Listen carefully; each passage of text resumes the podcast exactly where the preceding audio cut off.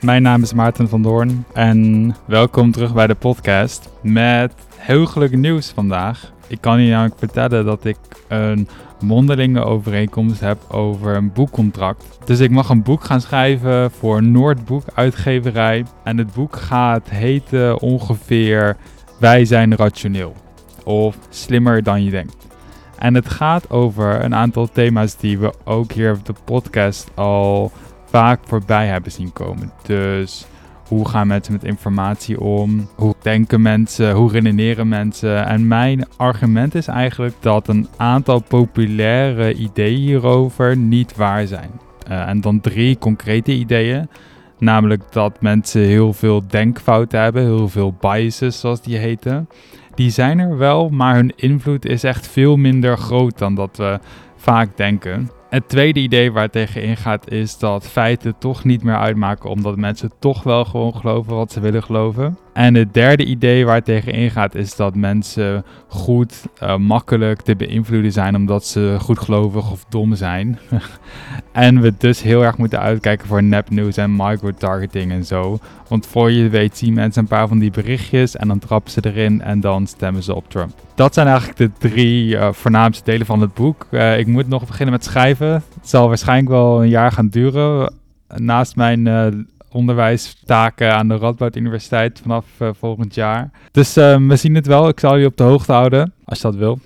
Laten we dan nu doorgaan met de podcast van vandaag. Mijn gast van vandaag is Tineke Beekman, een Vlaamse filosoof.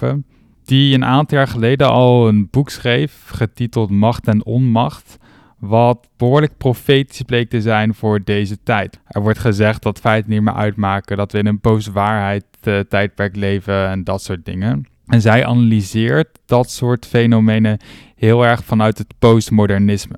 Dus daar begint het gesprek dadelijk ook mee. Postmodernisme, wat is dat? Hoe zit dat? En hoe kan zo'n obscure filosofie iets van invloed hebben op onze cultuur? En daarna komen we eigenlijk al vrij snel en vrij lang ook te praten over woke. Dus als dat een thema is wat je interessant vindt en een term die je al vaak voorbij hebt uh, horen komen slingeren, woke en identiteitspolitiek en cancel culture en dat soort dingen, maar je weet niet precies wat het is en je vindt het wel interessant, dan zou ik vooral blijven luisteren. En ook al als je al wel weet wat het is en het gewoon nog steeds interessant vindt.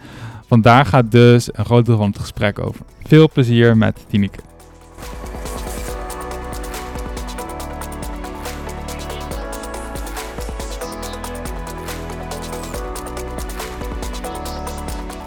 Ik wilde even beginnen met de vraag dat de postmodernisme, um, wat is dat nou precies en wat zijn de, de denkbeelden die daarbij horen? Oh, wel, het postmodernisme is eigenlijk een heel uh, breed concept. En ik zelf gebruik het in mijn boek vanuit een heel, bepaalde, een heel bepaald uitgangspunt. Namelijk als de reactie van westerse intellectuelen in de jaren 60, 70, 80, 90 eigenlijk, op mm. een enorme vergissing die ze zelf hebben gemaakt, namelijk een geloof mm. in het marxisme en in een totalitair denken. En dus je krijgt vanaf de tijd van de jaren 70, jaren 80, de idee dat de grote verhalen voorbij zijn. En, uh, en dat is eigenlijk een reactie op het feit dat er een heel lang een intellectueel geloof is geweest in Stalin en in het marxisme, denk maar aan Sartre. Uh, en die reactie betekent dat ze geen geloof meer willen hechten aan de grote theorieën. Ze willen geen wetenschappelijke aanspraken meer die absoluut zijn. Want dat is precies wat het marxisme deed bijvoorbeeld over de alienatie van de arbeider, het geloof van de geschiedenis. dus er, er is een enorm geloof in dat marxisme, in de rationaliteit en in de wetenschappelijkheid van de eigen theorie, die elke pluraliteit uitsluit. Het is eigenlijk een verdediging van een soort totalitaire houding in het feit dat de enige absolute waarheid kan bevonden worden door Hegeliaans-Marxistisch te denken. En het is precies die die afkeer eigenlijk van, die, van het absolute en ook van het rationele, dat ook geassocieerd wordt met de verlichting, uh, dat maakt dat er een, de nadruk komt te liggen op de kleine verhalen, dus het subjectieve, het zoekende, het twijfelende. Ja. Ja, dat vind je bij Derrida, dat vind je bij Lyotard, dat vind je eigenlijk bij, bij heel veel uh, van, die, uh, van die denkers. En dat, dat sluit ook deels aan bij een kritiek op de verlichting en op de rationaliteit, die je ook al vindt bij Heidegger. Vandaar dat in mijn boek ook een, een hoofdstuk is uh, over Heidegger en de vergissing precies van de moderniteit volgens Heidegger is van te, te geloven in het rationele subject dat transparant zou zijn aan zichzelf. Nee, wij worden bepaald door, uh, door taal, wij worden bepaald door een hele structuur die aan onszelf te boven gaat. Dus in plaats van dat wij door onze taal de werkelijkheid kunnen bepalen, is het omgekeerd. Worden we zelf bepaald door iets dat ons te boven gaat. En dan bij Heidegger heb je daar die hele, uh, een hele eigen woordenschat voor, met het, het, het zijn enzovoort. Um, en dus, um, dat is eigenlijk denk ik een wending die heel begrijpelijk is. Hè? Dus op, op, op dat moment in de, in de geschiedenis van het denken, als je wilt, is het heel begrijpelijk dat uh, dat die grote verhalen, er wordt alleen argwanend naar gekeken. En er wordt dan ook verwezen naar uh, Nietzsche en zo, en ook Freud, die op hun manier, zoals Paul Ricoeur zegt, de, de denkers van het wantrouwen, Marx, uh, Nietzsche en, en, en, Freud, die zeggen, ja kijk, de rationele individu, dat bestaat eigenlijk helemaal niet. Hè. Bij Freud er is er is een onbewuste. En, en, en, en Nietzsche is ook heel erg in een soort perspectivisme. Hè. Zo die, die wetenschappelijke zoektocht naar die absolute waarheid, die kan eigenlijk alleen maar falen. Meer nog volgens Nietzsche, die waarheid zelf is een vorm van theologie. dus die verlichtingsdenkers denken, we hebben komaf gemaakt met de irrationaliteit van de godsdienst en die vervangen door een geloof in de wetenschap. Wel zegt Nietzsche dat geloof in de wetenschap zelf is eigenlijk een vorm van, van theologie, is eigenlijk een vorm van meegesleept worden door iets dat, waarvan je niet beseft dat het eigenlijk zelf gedreven wordt door bepaalde eh, belangen en bepaalde verlangens en een bepaalde subjectiviteit. En op zich is dat eigenlijk wel, uh, wel interessant. Maar het probleem daarmee is, dat, en dat is eigenlijk ook het punt waarop dat ik in mijn boek begin. Het probleem daarmee is dat je op die manier de nadruk te veel, denk ik, legt op de onmacht van de reden.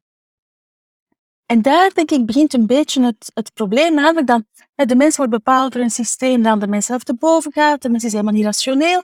En dan krijg je ook die idee, die Foucault subtieler uitlegt wel, want die postmoderne zijn vaak veel subtieler dan de manier dat ze vandaag gebruikt worden door voor- uh, of, uh, of door tegenstanders, maar toch wel de idee dat mm. wat is nu nog waarheid? Wel, dat is de uitkomst van een machtsstrijd tussen betekenissen in een bepaalde context.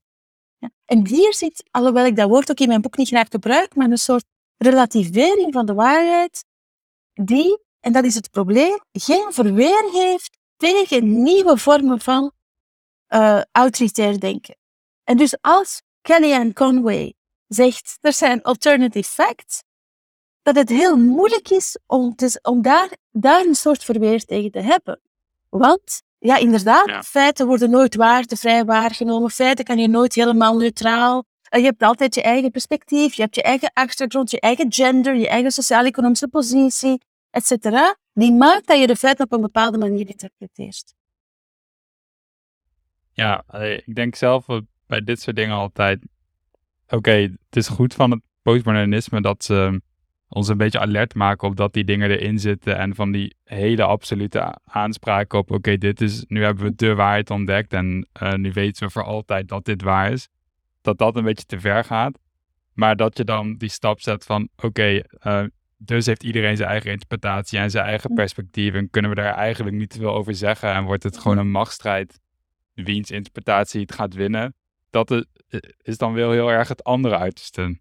Ja, inderdaad. En dat is, je merkt het ook, dat je eigenlijk ook een beetje met lege handen staat. Hè? Onlangs is de filosoof Jean-Luc Nancy uh, overleden, die ook heel erg in die Heideggeriaanse, ook postmoderne traditie staat. En als je dan ook leest wat mensen positief bedoeld over hem zeggen, dan zit je met, ja, we moeten twijfelen, het niet weten, het onderweg zijn, het niet kunnen benoemen, het niet kunnen bepalen en zo. En uh, dat is inderdaad interessant tegenover dat grote verhaal dat geen enkele pluraliteit of geen enkele twijfel toelaat. Maar dat is eigenlijk heel, heel mager, vind ik. En um, vandaar dat ik in mijn boek um, een, een andere antwoord op dat totalitarisme heb. Hè, of, of, of gezocht heb. En dat is deels in het werk van uh, Bernard Williams. Die, Bernard Williams in 2003 in zijn boek Truth and Truthfulness.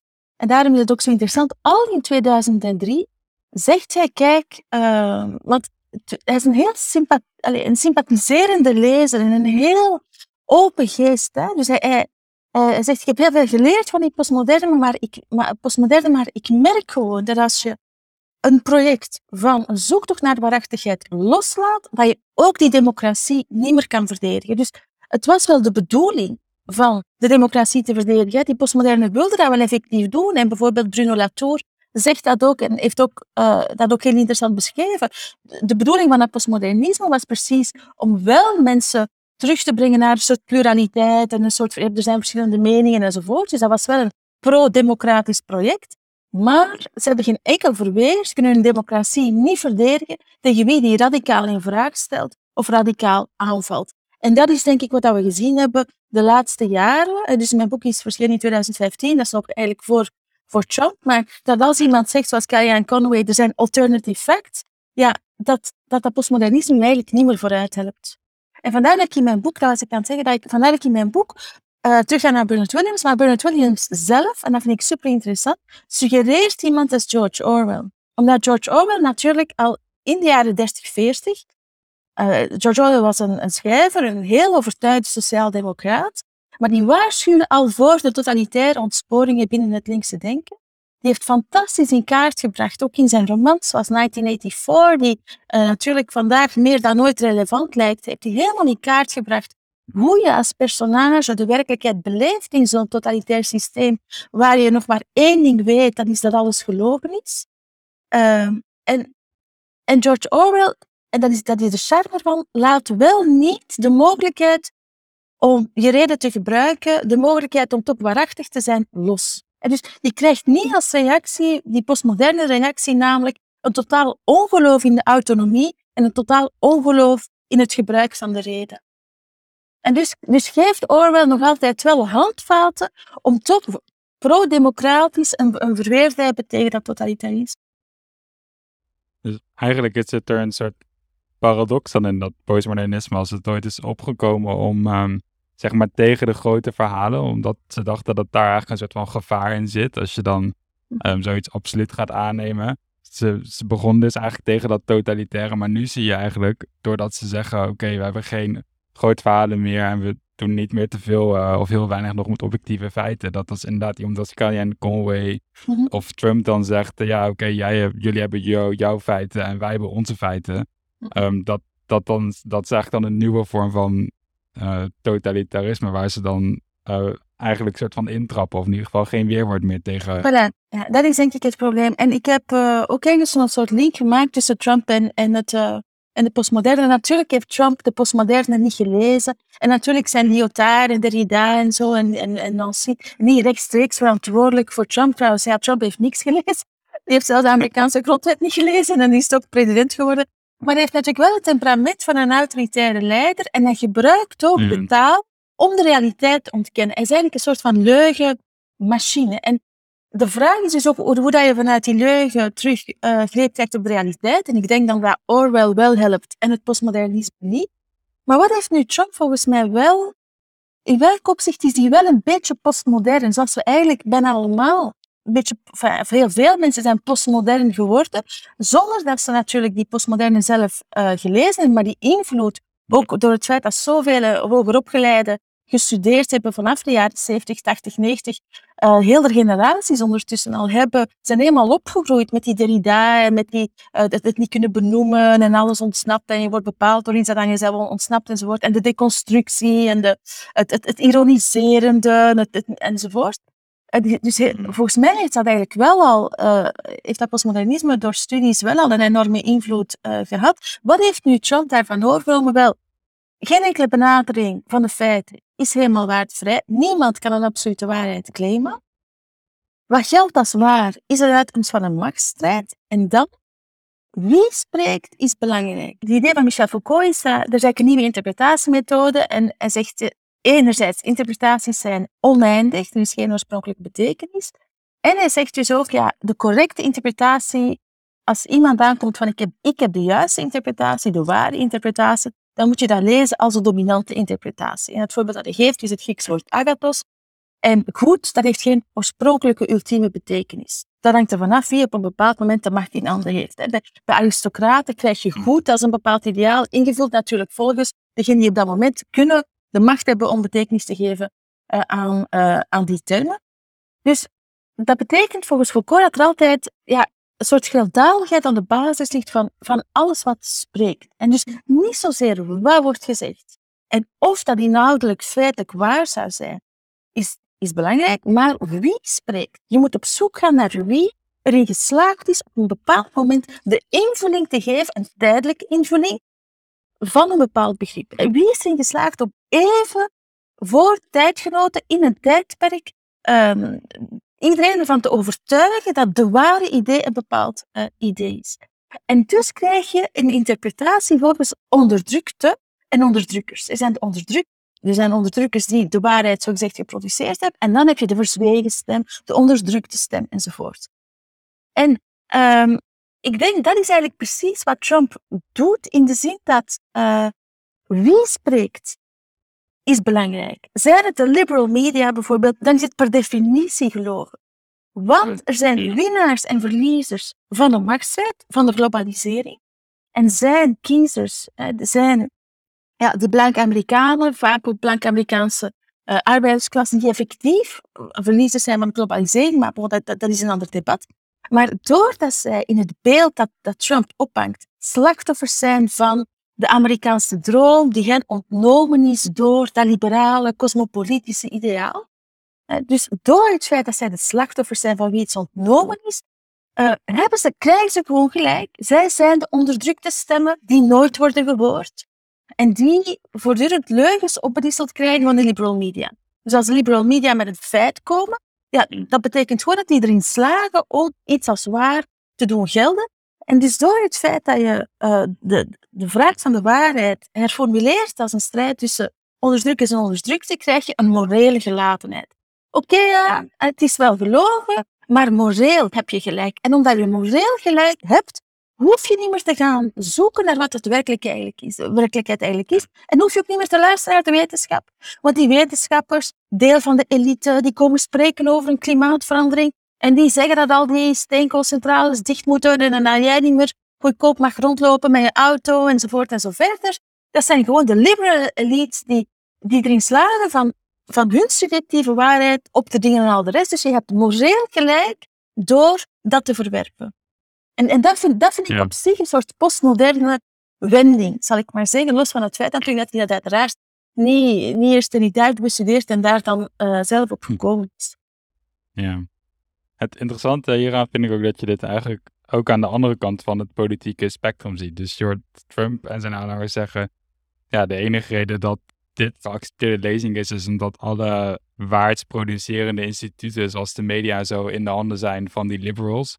Maar aan de andere kant, bij um, extreem links, dus bij, mhm. die, uh, bij die woke mensen en mm cancer culture en zo, daar hoor je ook vaak zeggen, oké, de enige reden dat maar dit perspectief dominant is, is omdat de witte, patriarchale, oude, blanke mannen uh, aan de macht zijn en die hebben deze meningen. Maar dat is echt de enige reden dat dit de, de geaccepteerde waarheid is. Daar is verder geen goede reden voor. Dus ook mhm. zij lijken dat die beseffen van um, het is puur een machtsstrijd. Absoluut. Dus die, die identiteitsdenkers uh, of die, die, die, die woke volgers van, het ident van de identitaire positie, dat zijn de directe erfgenamen van de postmoderne theorie. En dat is eigenlijk ook wat ik precies ook uh, in, mijn, in mijn boek uh, beschrijf. Dat vanaf het moment dat je erin slaagt om te zeggen, nou, ik ben de vergeten zwem, de vergeten stem, de onderdrukte stem, de stem die nog nooit gehoord is, van daaruit, dus ik als hè, vertegenwoordiger van de vergeten, onderdrukte stem, dan krijg je een recht op spreken zonder dat er nog criteria zijn,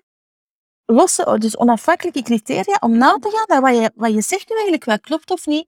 En want zelfs die criteria, ja, dat, dat, is, dat is de witte epistemologie, dat is het, het witte denken. En dus heel die verlichting wordt ook beschouwd als een wit verhaal.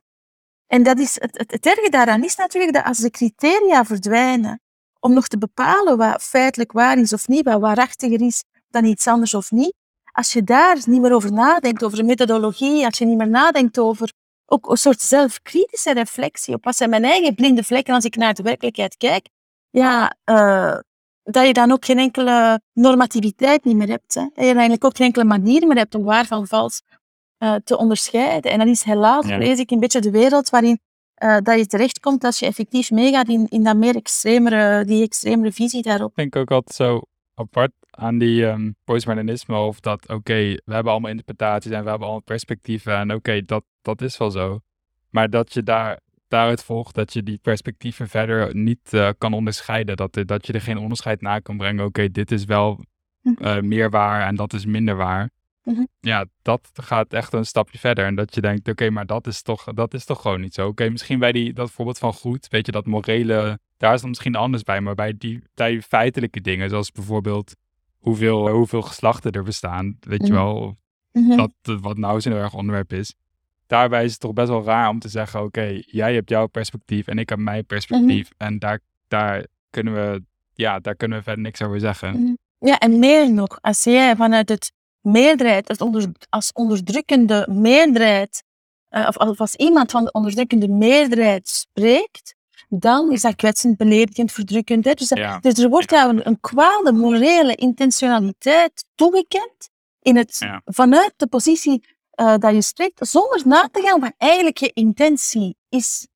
En dus die, die, die grondige moralisering van het debat maakt het natuurlijk ook heel persecutorisch. Wat je daarmee? Wel, een soort vervolging van degene die de onderdrukte krijgt het recht om degene die deel uitmaakt van de onderdrukking en degene die actief aan het onderdrukken is, dan is hij eigenlijk misschien gewoon uh, Scott Fitzgerald aan het lezen of, of, of, of Henry Miller, dan ben je eigenlijk al deel van het probleem. En dan, dus er zit uh, in het denken vanuit het slachtofferschap, of het denken vanuit het, als je de morele legitimiteit krijgt uit je slachtofferschap, en vanuit die morele legitimiteit ook het recht om te spreken als enige, dan krijg je ook het recht om anderen het zwijgen op te leggen. En dat wordt eigenlijk een daad van rechtvaardigheid.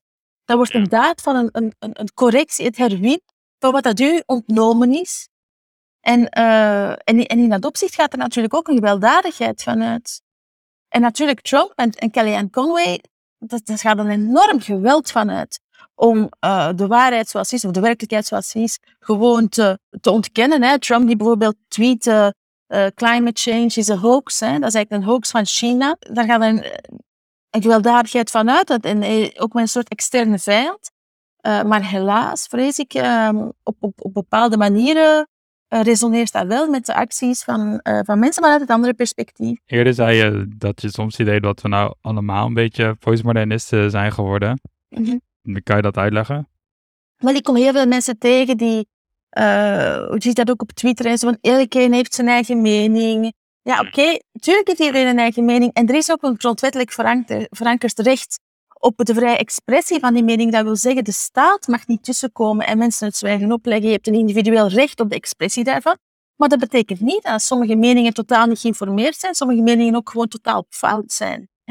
Dus je krijgt een soort gelijkschakeling van, ik, ik heb mijn subjectief perspectief. Ja, oké, maar het kan wel helemaal fout, en het kan helemaal dom zijn, en het kan helemaal onwetend zijn. En dat maakt het nog niet een goed perspectief, of dat maakt het nog niet een, een perspectief dat, dat, dat niet, mag, uh, niet mag bekritiseerd worden. En ik merk het ook gewoon toen ik mijn boek uh, uitbracht, zeker ook bij heel veel jongeren en hoger opgeleiden, uh, die, die, die zeiden van ja, dit is wel de eerste keer dat er een soort kanttekening komt bij wat zij beschouwden als iets vanzelfsprekend. Namelijk, je kan eigenlijk geen enkele claim meer maken. En dat is natuurlijk gewoon totaal niet waar. Er zijn dingen waarvan je gewoon pertinent kan aantonen dat ze fout zijn. En, en voor andere dingen, natuurlijk is het zo ook voor historische feiten dat het moeilijk is om helemaal neutraal na te gaan wat er op een bepaald moment is gebeurd. Maar er is wel bronnenonderzoek. Je kan wel vanuit verschillende perspectieven naar een zaak kijken. En getuigenissen en archieven. En er zijn wel manieren om zo goed mogelijk, voor zover je kan, wel te reconstrueren wat op een bepaald moment gebeurd is. En daar ook onder historici of zelfs als samenleving een bepaalde consensus uh, over te bereiken door het aanvoeren van die feiten. En dus die, die, die relativering daarvan, en ik denk in het geval van het postmodernisme, het, het ongeloof in die reden, hè, dat is eigenlijk wat, dat, wat dat ik er zo problematisch aan vind. Als je, je spreekt eigenlijk je geeft om te beginnen het, het woord vooral aan degene die zich als machteloze kan presenteren. En die krijgt eigenlijk per definitie al een bepaald podium. Of die zou recht hebben op een bepaald podium. Zelfs al moet hij daar eerst iemand anders afduwen die misschien uh, heel degelijk werk heeft geleverd. Dat is één probleem, maar eigenlijk ook als mens speelt, vertrek je vanuit een soort, een soort machteloosheid. Een soort, ja, je bent bepaald door, door grotere krachten, voilà, en daarmee, daarmee moet je het dan doen. En uh, je zou kunnen zeggen, ja, maar die postmodernen die herkennen ook wel het bestaan van feiten. En natuurlijk herkennen die het bestaan van feiten. En natuurlijk nemen die ook het vliegtuig en geloven die in dat opzicht in de wetenschap. En, rijden die ook over een brug. Ja. Hè? Dus ja, natuurlijk geloven die in het bestaan van feiten. Maar als je fundamenteel niet meer gelooft dat iemand nog in staat is om een feit op een min of meer neutrale manier te benaderen, ja, dan, dan wordt dat eigenlijk een soort Kantiaans ding aan zich. En dat is iets wat eigenlijk, ja. waar, waar je niet meer bij geraakt. En, en dus zit je, dat is iets wat ik bedoel met die onmacht. Je kan er eigenlijk niks meer over zeggen. Het is een beetje een valse tegenstelling eigenlijk, uh, bedenk ik me nu. Die tegenstelling van of je hebt gewoon echt een puur super objectief, mhm. zonder iets van subjectiviteit feit. Of je mag er helemaal niks meer over zeggen en geen claim meer maken. Dat is een beetje een valse tegenstelling. Eigenlijk net zoals die andere, die andere tegenstelling van... Uh, Oké, of je bent super maximaal autonoom... of je mhm. bent eigenlijk bepaald door andere krachten... zoals dan mhm. Freud en Nietzsche en zo zeiden. De waarheid ligt een beetje in het midden, zou je denken, toch? Dus oké, we zijn inderdaad niet super autonoom... niet maximaal autonoom, weet je wel, geen, geen blank slate... Maar dat wil niet zeggen dat we, dat we gewoon volledig bepaald worden door dingen buiten ons eigen uh, wil. En net zoals dat het feit dat we niet maximaal objectief en niet helemaal buiten onszelf kunnen treden, niet wil zeggen dat we niet betere en minder goede aanspraken op feitelijkheid uh, kunnen onderscheiden. Mm -hmm. Ja, dat is het. En dat is eigenlijk ook wat Orwell. Daarom is George Orwell zo interessant, omdat hij heel goed beschrijft en beseft hoe ver mensen kunnen gaan in zowel het manipuleren van anderen, in, zoals in 1984, of in de, strijd die je dan hebt, hè, want dat is de strijd van de hoofdpersoon Winston Smith, die uh, archieven moet uh, herknippen uh, van het verleden. Dus elke feitelijkheid is weg. Die Smith die houdt dan een dagboek bij en zegt, als ik kan zeggen dat 2 plus 2 4 is, dan ben ik gered. Waarom? Omdat hij leeft in een wereld waar alles zodanig leugen is, dat hij niet meer weet wat waar is. Hij heeft geen enkel aanknopingspunt meer en dat wordt zijn aanknopingspunt. Die Smith die leeft ook en, en, en, en uh, psycholoog die schetst Orwell dat ook fantastisch in een soort... Ja, die, die heeft vage intuïties en, en er zijn heel veel dagdromen en dromen en fantasmagorieën. Je hebt echt zo'n gevoel van iemand die, die echt vecht om nog te weten wat, wat, de, wat de realiteit uh, is. Dus uh, Orwell gaat heel ver in het besef hoe moeilijk dat het kan zijn om nog iets feitelijk te vinden. Maar, en hij beschrijft ook fantastisch hoe dat, uh, het manipuleren van taal, hate speech, het bewerken van mensen hun emoties, sociale druk ervoor kunnen zorgen dat je niet meer weet wat je nog uh, kan geloven. Dus er is een enorme uh, gevoeligheid voor die, die menselijke vatbaarheid voor de irrationaliteit. Maar tegelijkertijd blijft hij wel geloven in het feit dat je, en dat is ook wat die hoofdpersoon probeert te doen, toch nog van je reden gebruik kan maken, dat je toch nog op zoek kan zijn naar feiten, dat je toch kan blijven nadenken over betere en slechtere benaderingen van de realiteit, uh, dat je toch nog altijd kan op zoek gaan naar getuigenissen. En ook uh, dat je toch ook moedig kan blijven tegenover sociale druk. Dus niet alleen wat de staat je zegt, maar ook wat je medeburgers je proberen wijs te maken. Dat je toch nog altijd kan blijven geloven in je eigen integriteit in je zoektocht naar, uh, naar waarheid. En dus Orwell is voor mij eigenlijk de antipode van die postmoderne. Ook omdat hij echt aandacht had voor slachtoffers in de realiteit. Dat is iemand die uh, oorlogen heeft meegemaakt, die uh, op zoek is gegaan naar mensen die in armoedige omstandigheden leven, om, om dat allemaal te beschrijven. Dus dat gaat eigenlijk ook over echt leed. Dus dat is iemand die, die zich niet liet verleiden tot, uh, zoals bij die woke en zo vandaag het geval is, een soort imaginair leed. Van je leest een roman of iemand gebruikt een woord. En dat is een leed. Nee, dus dat is iemand die heel scherp onderscheiden kon maken. Dus wat er echt toe deed. En ook het graduele. Hij beschrijft dat ook heel duidelijk. Sommige, vormen van onrecht en lijden zijn minder erg dan andere. Dat is niet allemaal hetzelfde. Het volstaan van te zeggen, mij is iets aangedaan, om van daaruit een soort uh, positie uh, te verwerven. En vooral ook, zijn vertrekpunt is zelfkritiek. En er zit niks persecutorisch, beschuldigend, veroordelend toe naar andere mensen die een bepaalde mening zouden hebben. En dat vind ik zo, zo krachtig, het feit dat hij zegt, als je als je wilt afvragen hoe kom ik tot die feiten, dan moet je je ook bewust worden van je eigen blinde vlekken. En zelfs, en dat is ook interessant, van je eigen neiging om zo'n machtige positie te willen innemen. Dus dat is eigenlijk, dat is echt zo de perfecte spiegel van heel dat idee van slachtofferschap waar we vandaag, uh, vandaag in leven. Dus het is de perfecte spiegel omdat hij eigenlijk aangeeft van, ga je niet te veel daarin verdedigen, maar probeer zelf juist naar buiten te komen met... Uh, waarom zit dat zo en hoe kan je nog mm -hmm. beter en slechter onderscheiden? Ja, En hij is ook totaal geïnteresseerd in het prestige van de moreel superieure positie, want die zou hij zelf beschouwen als weinig betrouwbaar.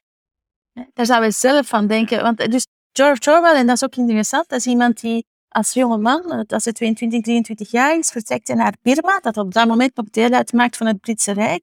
Dus hij heeft ervaren wat het is, niet om slachtoffer te zijn van het kolonialisme, maar om kolonisator te zijn. En na vijf jaar, hij wordt daar dan politieagent, hij verdient daar heel veel geld.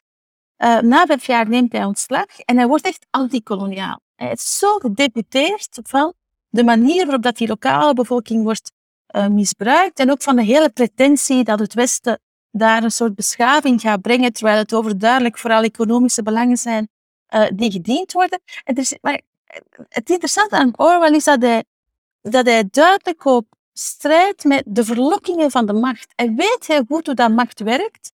En, um, en dus je krijgt ook dat perspectief, wat ik eigenlijk moreel gezien ook een, een veel interessanter perspectief vind dan het veroordelen of beoordelen van, van de positie van de ander. Dus zijn vraag is, hoe blijf je eerlijk en waarachtig wanneer de leugen je goed uitkomt?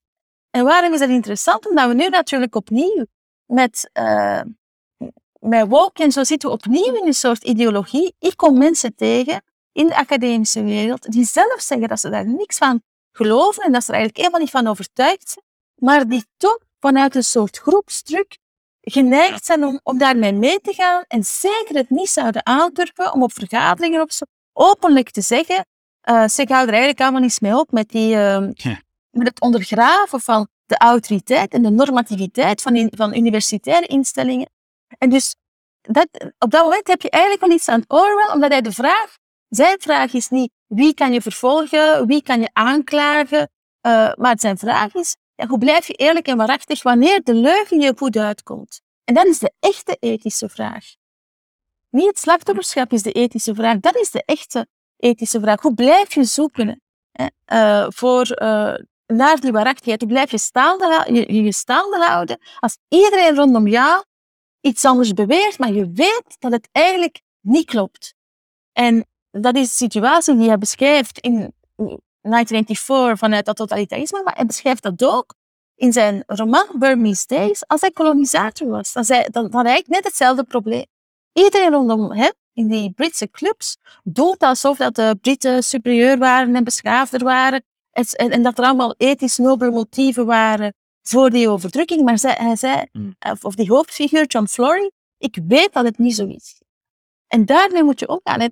Orwell heeft heel zijn leven lang helemaal alleen gestaan. Hè. Dus hij kwam dan terug in de jaren dertig uh, uit, uh, naar Engeland, schreef dan die Burmese Days op een moment dat het helemaal nog dan was om dat kolonialisme openlijk aan te klagen. En dat is de echte ethische houding. En dat is echt gaan voor waar jij in gelooft, waarvan dat jij denkt dat het waar is. En dan moet je geen enkel, geen enkel compromis uh, aanvaarden.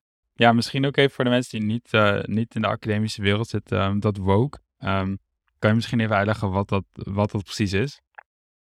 Wel, het is, het, het is een brede waaier aan, uh, aan, aan, aan houdingen. Het, spreekt ook een beetje precies wat het, wat het. De idee is precies ja. daar dat het perspectief van wie spreekt dringend moet onderzocht worden. Dat uh, de hele westerse wereld eigenlijk gedomineerd wordt door het, het, het witte perspectief en het Witte zeggen ze zelf, uh, Olivia Ruta bijvoorbeeld beweert, dat heeft niet zozeer te maken met de huidskleur, maar natuurlijk in de realiteit is dat wel zo, maar wel precies van het perspectief van degene die, die, die, die dominant is geweest, die gekoloniseerd heeft en ja, die erin geslaagd is om zijn, zijn, zijn waarheid dan op te leggen. En dus is, het, is de tijd nu gekomen om, om dat recht te zetten in zekere zin en om uh, de verzuchtingen van die minderheden en van vrouwen, van mensen die zich onderdrukt en uh, hebben uh, gevoeld, om, om dat te gaan corrigeren en, en eigenlijk ook om het te ontmaskeren. Dus als je dan kijkt naar het curriculum bijvoorbeeld van de literatuur, dan zie je dat die machtsverhoudingen uh, ja, in heel veel romans en in heel veel werken naar voren komt. En het resultaat daarvan is dat je vanuit een 21ste eeuwse blik eigenlijk begint te kijken naar werken van de 17e, 18e, 19e eeuw. En dan daar vooral heel veel racisten ontdekt. Hè. Dus en, uh, uh, en, en, en door het feit dat je iemand kan betrappen op een foute uitspraak, een foute uitspraak vanuit het perspectief van vandaag, is dat eigenlijk een reden om dat werk aan zich te delegitimeren. Hè. Immanuel Kant is ook een racist en Voltaire en, uh, en John Locke. En dus eigenlijk van, van iedereen kan je ergens wel een tekstje vinden waarin dat hij iets heeft gezegd uh, dat schamper of, of laatdunkend was uh, over, over anderen of over vrouwen. En, en dat wordt dan een soort ja, besmetting. Hè. Dus die persoon is dan een beetje bezoedeld. Ja. En, en dus je krijgt geen, geen normativiteit meer, geen mogelijkheid meer om te zeggen, ja, maar kijk, oké, okay, goed, fair enough. Hè. Immanuel Kant zal wel hier en daar iets gezegd hebben dat voor wie vandaag leeft, dat er eigenlijk onaanvaardbaar is. Maar natuurlijk in zijn kritiek van uh, kritiek de Rein en heeft hij wel een paar geniale ideeën over wat je kan weten en wat je niet kan weten, wat de grenzen zijn van de kennis. Ja? En dat, dat blijft gewoon op zich geniaal wat hij daar gedaan heeft. En ik, ik vind dat je niet, ik, ik, hoe zou ik het zeggen, als ik vind dat een denker interessante ideeën heeft, dat is iets anders dan wanneer dat ik die persoon moreel veroordeel van een ander perspectief. De vraag volgens mij is ook, op dat moment, zou ik, als ik in die 18e, 19e eeuw geleefd had, zou ik de wijsheid hebben gehad en de openheid hebben gehad waarvan ik denk dat ik ze vandaag heb? Dat is eigenlijk de echte vraag.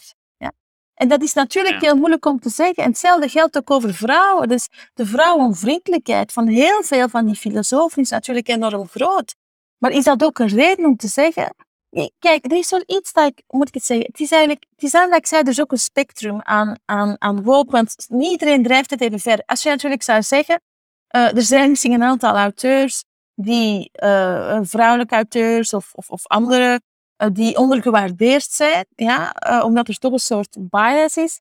Maar die, als je het objectief beoordeelt op de kwaliteit van hun werken, Olympe de Koers, Marie de Gournay en andere, eh, Mary Wollstonecraft en zo, dan is dat eigenlijk echt wel goed. En die zijn eigenlijk onterecht beoordeeld omdat ze vrouw waren.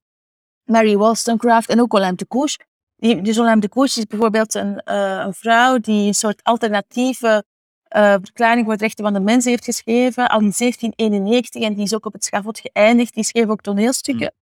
En daarvan werd in de 19e eeuw, en dat is effectief seksistisch, gezegd, ja, dat ze wel, uh, dat ze wel een soort psychopathologische ziekte had, want ze dacht dat ze ook zou kunnen schrijven zoals een man. Ja, dat soort van extreem seksistische beoordelingen zijn er wel geweest. Maar natuurlijk, Colin de Koers, haar werk is objectief gezien, of kwalitatief gezien, is dat echt wel de moeite waard. Dus ik zou zeggen, als je bepaalde figuren kunt herontdekken, die effectief in de loop van de geschiedenis oneerlijk of, of misschien een beetje onrecht is aangedaan, omdat ze belangrijker of relevanter of interessanter waren dan, uh, dan misschien gedacht, dan is dat inderdaad een winst. Dus ik zou zeggen, als je meer perspectieven kan hebben, ook niet-westerse perspectieven, op de filosofie, vanuit Afrika, vanuit Azië, vanuit waar dan ook, dat kan enorm verrijkend zijn. Dus ik, ik ik ben het er helemaal mee eens dat in een complexe, diverse samenleving je ook andere stemmen aan bod moet laten komen. Alleen moet je altijd een argument,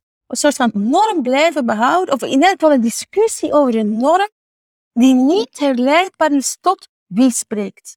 Dat is volgens mij het belangrijke. En dus het kan wel interessant zijn om soms curricula aan te passen enzovoort. Maar dat kan je ook doen zonder dat je daarom hoeft anderen opzij te schuiven vanuit een soort, een soort ressentiment eigenlijk. Een soort, de, idee dat je precies die positie verdient omdat je slachtoffer bent, want dat is eigenlijk het Nietzscheaanse idee uh, van ressentiment. Dat is de laatste zal de eerste zijn. Dus het feit dat je de laatste bent, is eigenlijk een argument om te zeggen, nu het aan mij om eerste te zijn. En, en volgens mij is dat het einde van, van de, uh, ja, van de appreciatie van een heel aantal wetenschappelijke domeinen aan zich. Ja, ik denk dat je daar, wat je net zei, precies die twee punten raakt. Over die morele veroordeling van figuren uit het verleden. Dus het is een beetje, oké, vanuit onze standaarden. Uh, en wij vinden ook dat we, denk ik, terecht gelijk hebben in die standaarden. Met hoe we nou, dat we nou anders kijken naar de rol van de vrouwen en, en zo mhm. in de samenleving. Hadden zij verwerpelijke ideeën. Maar voor, voor hun tijd waren ze misschien heel vooruitstrevend. Ja, en op andere dingen waar je nog altijd iets aan hebt natuurlijk. Ja, precies. Dus moet je ook mm, zeg maar de baby met het badwater weggooien. En dan een heel hele werk maar nooit meer gaan lezen. En al ons standbeelden omverwerpen en dat soort dingen. Ja, maar dan hou je niks meer over dadelijk. Dan hou je niks meer over. Ja. En dat is natuurlijk ook niet zo interessant. Want tenslotte, um, er valt wat op te merken, wat trouwens al opgemerkt is, zoals ik zei, door Roland de Gouche, dus dat de verklaring voor de rechten van de mensen en de burger in mannelijke vorm geschreven was en alleen voor mannen gold. Roland de Gouche zit daar een vrouwelijk perspectief tegenover. Maar natuurlijk, de idee van gelijkwaardigheid tussen man en vrouw staat daarin wel uitgedrukt. Dus al is er op dat moment in Frankrijk door die revolutie en dan daarna bij Napoleon geen gelijkheid tussen man en vrouw, en zeker niet Napoleon is op dat, op, is op dat vlak echt een soort terugval naar uh, uh, een, een, vrouw die, die juridisch gezien volledig in de greep leeft van haar man. Hè. Dat, dat is gewoon zo. Ofwel trouwden vrouwen niet, dan waren ze een beetje voor vrij verklaard. Ofwel trouwden ze wel, dan moesten ze niet voor alles de toestemming hebben van hun, uh, van hun man. België heeft trouwens heel lang, tot, echt tot de jaren 60, 70, en in sommige aspecten zelfs nog later, het Napoleontisch burgerlijk wetboek, dat je kunt niet geloven hoe dat die vrouw onderworpen was aan de, aan, aan de noodzaak om altijd de goedkeuring te vragen voor haar man, voor alles. Dus het, dat ja, de facto die gelijkheid er niet is, dat kan worden opgemerkt, dat kan worden aangekaart. We moeten ook niet super arrogant rondlopen van wij zijn de verlichte geesten tegenover de rest van de wereld. Daar ben ik het helemaal mee eens. Maar die idee van gelijkheid is in dat opzicht wel een Frans, Frans Amerikaans, eh, Engels, een verlichtingsidee. Daar kan je gewoon niet omheen. Dus zelfs de woke, als zouden ze het willen ontkennen, zijn, zijn de erfgenamen van wat ze zelf een beetje traditie zouden noemen. Maar natuurlijk ze op geen enkel moment zouden willen erkennen, maar dat is natuurlijk wel zo. Die hele idee dat je recht hebt om te spreken, dat je recht hebt om te... etcetera, dat leeft in het Westen vanuit een westerse traditie. En dus dat is eigenlijk ook een beetje de paradox.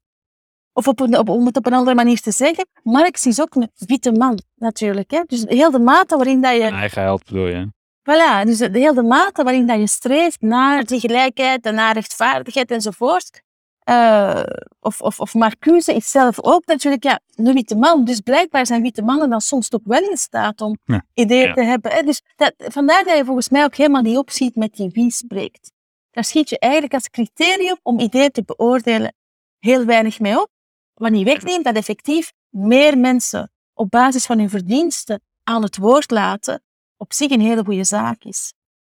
Dus met wie spreekt als criterium bedoel je eigenlijk dat je op basis van gewoon de identiteitskenmerken van de persoon die iets zegt, gewoon gaat beoordelen of het uh, waar is of een goed argument. Ja, voilà. Ja, of dat iemand de positie verdient of niet. Hè. Denk maar aan die, heel die, die hetze rond die vertaling van het boek van Amanda Gorman en wie daar voor die aanmerking kwam.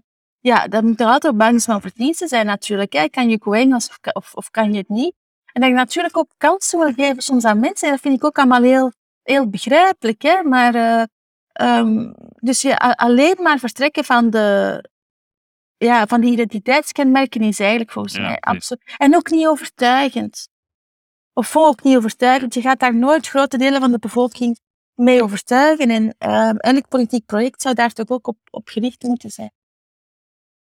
Mm, en je, je zei dat je veel mensen in de academische wereld spreekt die zeggen dat er druk is om met die denkbeelden mee te gaan. Maar met waarmee dan precies? Is dat met dat idee dat uh, Kant en, en al dat figuren eigenlijk niet meer gelezen moeten worden? Of, um... Ja, of dat als je 19e eeuwse schrijvers onderzoekt, dat je toch ook in kaart moet brengen hoe racistisch dat ze zijn en zo.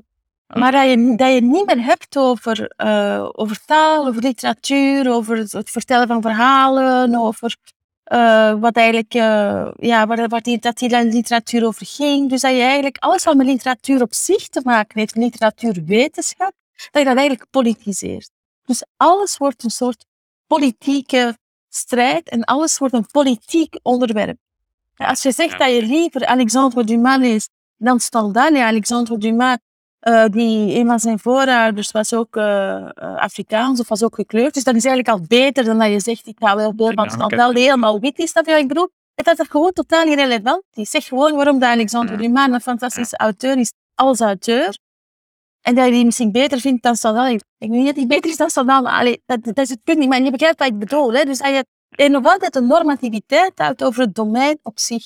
Ja, ik, ik hoor wel heel wat maar het is ook gewoon het, het, het intellectuele, uh, hoe zou ik het zeggen, de, de, de, wetenschappelijke onderzoeksbeurzen en zo gaan ook heel erg in die, gaan ook heel erg in die richting. Ik heb al lezingen meegemaakt over de, de Etrusken, maar niet, niet uh, positief in de zin van wat is filosofie of, of de politieke cultuur of zo bij de Etrusken. Nee, de Etrusken als het het uh, verdwenen volk, het onderdrukte volk, het, het volk dat ja, uitgemoord is door de Romeinen en zo. Nu, begrijp je wat ik bedoel? Er zijn twee manieren om, om dat te benaderen. Als, als je niet positief kunt zeggen waar die voor staan, maar het alleen een manier is om te zeggen dat die schijnbaar witte Romeinen uh, overdraagzaam waren en racistisch, et cetera, ja, dan, uh, dan blijft niks over, behalve een soort impliciete aanval op, op alles wat enige Romeinse auteur ooit heeft, heeft geproduceerd. En volgens mij is dat eigenlijk niet, niet, niet interessant. Voilà. Nee. Nee, precies. En het is ook een beetje met dat als je het zo identiteitspolitiek achter gaat maken, dat is een beetje, ja, dat voelt een beetje als een stap terug. Als in dat deden we vroeger en dat zijn we nou een beetje, zouden we overheen moeten zijn of zo. We zijn verder dan dat. Voilà. En ook, gooi, allee, ik bekritiseer alles wat daar Romeins is. En die Romeinen hebben wel wat uitgestoken. Uh, ik denk dat we daar vanuit de lage landen ook wel over kunnen meespreken. Dat, dat twijfelachtig was. Maar je hebt natuurlijk ook het systeem van het Romeins recht. Uh, je hebt ook de Romeinse geschiedschrijving. Je hebt ook uh, Romeinse poëzie. Je hebt ook, enfin, dus niet de Romeinse poëzie, maar ik bedoel Romeinse dichters. En ook, dus ja, als je dat allemaal maar overboord gooit, waar haal je dan eigenlijk over? Want positief gezien kan je heel weinig zeggen over, over uh, ja, de, de, slachtoffers van je, van je misdaden, om het zo te zeggen. Als je het op deze manier gaat, gaat spelen, zeg maar, dan krijg je ook nog natuurlijk de vraag: wie zijn zij dan? Uh, om te bepalen wat wel en niet uh, moreel acceptabel is en wat wel en niet nog erin mag vanwege morele redenen. Dus je zou denken, gooi het gewoon op de inhoudelijke redenen en mhm. ga je niet te veel in mee. Nee, en ik denk ook dat die, zoals elke fanatisme, maar zoals ik al zei, ik wil het echt wel onderscheiden van mensen die ook wel terecht aankaarten dat een grotere diversiteit en een grotere pluraliteit van perspectieven interessant kan zijn. Daar ben ik het wel, wel op zich wel mee eens. Dat wil ik ook helemaal niet contesteren.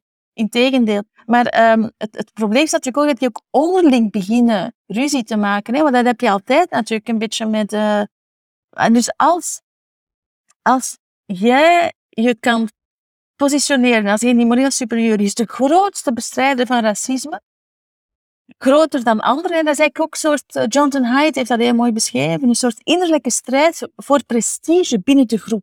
Dus het, het gaat om eigenlijk, dus het persecutorische naar anderen toe, het, het, het, aantonen van wie allemaal fout was, wie allemaal racistisch was, is ook een manier om je tot de anderen te verhouden. Ik ben eigenlijk degene die nog meer dan de anderen uh, kan ontmaskeren wie, uh, wie eigenlijk uh, racistisch is, ja, dat duurt meestal niet zo lang. Of je krijgt ook onderling bepaalde fricties. En, en heel dat, uh, dat, dat, dat denkkader van slachtofferschap wordt dan soms ook onderling gebruikt. Dus dan krijg je ook van, uh, jij hebt ooit dit gezegd en, en, en op, op Twitter, uh, tien jaar geleden, heeft die persoon nooit dat gezegd. En dus de, aan persecuteurs komt eigenlijk per definitie nooit een einde. En uh, vandaar dat ik ook in mijn nieuwe boek over Machiavelli, Machiavelli een soort vergelijking ook maak met de, de logica die, van de Franse Revolutie en van Robespierre. Dat is, als je gaat op zoek naar wie dat het zich het meest... Als mensen in een groep zich willen profileren als ik ben die, die het meest inzet voor de sociale strijd en de gelijkheid. En dus het meest elke vorm van onrecht begaan door aristocraten en religieuzen en andersdenkenden uh, uh, ik ben die, die dat het meeste bestrijdt, dan krijg je een soort persecutorische logica waarbij heel veel mensen op het schavot eindigen en vroeg of laat ook degene die hebben deelgenomen aan het veroordelen. Want vroeg of laat blijkt ook dat die met iemand gesproken hebben of eens iets gezegd hebben of eens iets gedaan hebben, waardoor ze niet zo zuiver zijn als ze zelf beweren dat ze zijn. Dus die zoektocht naar die morele zuiverheid is eigenlijk een heel gevaarlijke houding en een heel onverdraagzame houding. Ja, en het, het schiet ook een beetje zijn doel voorbij, denk ik. Want het idee is dan, of ja, laten we aannemen dat, dat, dat nog zeg maar goed een positief doel hebben van oké, we willen de universiteit of de academia of die wereld zo zeg maar zo moreel goed mogelijk maken. Want dan weer, dan wordt het een beter instituut met misschien meer staats en zo. Maar wat je volgens mij vooral ziet, en vooral in Amerika hoor je dat wel, is dat dat al gaande is. Dat, dat je daardoor juist uh, de autoriteit van de universiteit ondermijnt. Want in plaats van dat ze dan gezien worden als een soort van min of meer neutrale stem van de wetenschappers of stem van de kennis, worden ze juist die hele links uh, gezien als die hele linkspolitieke stem. Met als mhm. argument, ja, iedereen die een andere mening heeft dan dat, die gooien jullie eruit. Dus jullie zijn helemaal niet neutraal. Jullie zijn super die partij. Dus, dus dan kunnen jullie ook niet meer neutraal, neutraal spreken namens de kennis, namens de wetenschap. Mhm. Mhm. Ja, dat is het helemaal, ja. Maar je ziet ook dat nog los van de academische wereld bijvoorbeeld, uh, als je dus vertrekt vanuit wie spreekt en we, gaan, we moeten meer diversiteit hebben vanuit wie spreekt op een zuivere manier, en dan, dan is er bijvoorbeeld het geval van uh, die teen folk editor, dus uh, Alexie McCammett. Hmm. En die had... Niet echt uh, ja, dus Alexie McCammett met C, ik zal misschien even spellen, M-C-C-A-M-M-O-N-D. En die kreeg een job van, um, dus eigenlijk eventjes bij Teen Folk. Folk is zo'n modeblad en Teen is zo de, de uitgave voor de, voor de tieners. Hè. Um, en ja, die is, uh, die is van een uh, mixed background. Dus zij kreeg als zo black woman uh, de positie om eventjes eindredacteur te zijn. Tot ze natuurlijk van die vrouw een tweet opdiepen tien jaar geleden over ja. Aziaten, die eigenlijk um, niet zo vriendelijk is. En zij dus eigenlijk ook moet ontslag nemen. Dat is wat ik precies bedoel met dat persecutorische. Dus in, in een poging om op zich iets recht te trekken, namelijk het feit dat er effectief minder diversiteit is in de topposities dan dat er is in de samenleving. Als je om die diversiteit erin te brengen, niet alleen kijkt naar verdiensten, maar vooral ook kijkt naar wie spreekt, wie krijgt hier een kans, wie is hier onderdrukt. En dus vanuit die zoektocht naar morele zuiverheid, en wie is het minst racistisch of het meest het slachtoffer van racisme, dan, dan dat, dat blijkt op zoveel momenten ook onhoudbaar voor de mensen die dan naar voren worden geschoven. Dus dat is wat ik precies bedoel met het, ja. het, het, het gewelddadige van die persecutorische houding. Uh, maakt ook heel snel slachtoffers binnen de groep die zich precies daarmee profileert. En dat is gewoon onvermijdelijk. Ik kan me daar ook zo naar ergeren eigenlijk. De hele discussie is meteen klaar, want dan is het zo, oh, ik kan de meeste kaarten gooien, weet je wel. Ik ben en uh, uh, donker en ja, ja, ja. ik ben non-binair en ik ben zwart. Dus ik heb per definitie gelijk. En als jij nou een, tegen me ingaat of een ander argument geeft, dan ben je eigenlijk gewoon een asociale onderdrukker. En dan is echt van, ja, oké, nou dan, dan ga ik wel weer wat anders doen. ja, dan, ja, dat schiet eigenlijk... Dat schiet eigenlijk niet op. Het creëert ook de illusie, denk ik, bij jongeren dat je een rechtvaardigere wereld zou kunnen creëren door daaraan mee te doen.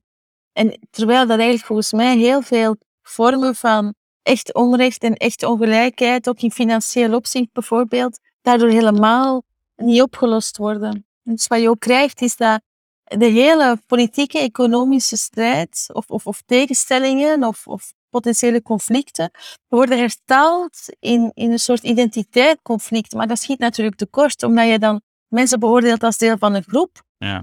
Maar ja, uh, zoveel andere problemen pak je daarmee helemaal niet aan. Het feit dat sommige mensen door een technologische uitvinding uh, zo, zo, zoveel macht en zoveel geld vergaren, dat ze erin slagen om uh, ja, heel veel greep te krijgen op de levens van heel andere mensen, zoals bij Amazon of bij Google of bij et cetera. Dat, dat wordt eigenlijk allemaal, dat valt helemaal niet meer buiten het strijdtoneel.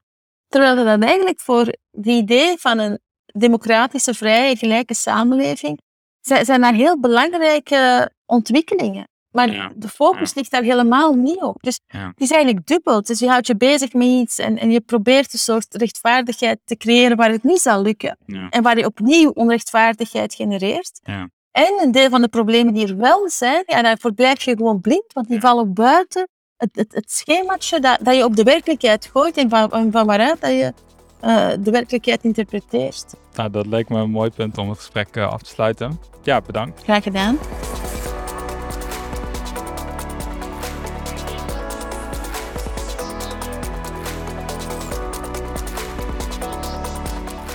Dus, wat hebben we nou geleerd vandaag? Nou, ik vond dit zelf een van de meer filosofische en vooral in het begin soms wat moeilijk te volgen gesprekken. Ik had af en toe het idee, moet ik Tineke nou onderbreken of niet? Maar dat eh, is nog een skill die ik nog aan het eh, perfectioneren ben. Een aantal van die Franse denkers die zij noemde, die kende ik zelf eigenlijk ook helemaal niet. Hm. Maar ehm, daarna toen het wat minder over dat postmoderne ging, had ik het idee dat het een heel interessant gesprek werd. En ik denk dat er twee voornaamste lessen zijn voor mij. Ten eerste dat een mening niet een soort geboorterecht heeft op respect. Kijk, een persoon, een mens wel. Maar een mening hoef je niet per se te respecteren. En al helemaal niet als iemand beweert dat hij recht heeft op zijn eigen waarheid. En ten tweede, wat ik meeneem uit het gesprek, is hoe Tineke best wel helder schetst. Dat als je het debat heel erg gaat moraliseren. Dus jij mag dit niet zeggen, want jij bent een geprivilegeerde witte man. Dat dan al heel snel de waarheid en de feiten eigenlijk niet meer uitmaakt. Omdat je het verkeerde criterium gebruikt. Dus in plaats van dat je als criterium gebruikt, oké, is er bewijs voor wat jij zegt? Klopt het een beetje wat jij zegt? Ga je alleen nog maar kijken naar, zoals Tineke het noemt, wie spreekt. Dus wie ben jij, wat is jouw uh, geslacht, jouw ras, jouw achtergrond, et cetera. Maar dat gaat op een gegeven moment natuurlijk helemaal uh, de verkeerde kant op. Want we willen juist dat we kunnen kijken naar wat is hiervoor te zeggen voor deze theorie of deze uitspraak. En niet alleen maar naar dat wie spreekt dat is het idee wat we hopelijk al lang achter ons hadden gelaten. Ja, racistisch of discriminerend idee eigenlijk. Het idee dat je puur op basis van je identiteit wel of niet gelijk hebt. Ja, ik hoop dat jullie het leuk vonden en ik eh, check jullie over twee weken. Dan is de gast Alexander Pleiter van Nieuwscheckers. En dan gaan we het hebben over nepnieuws en het coronavirus.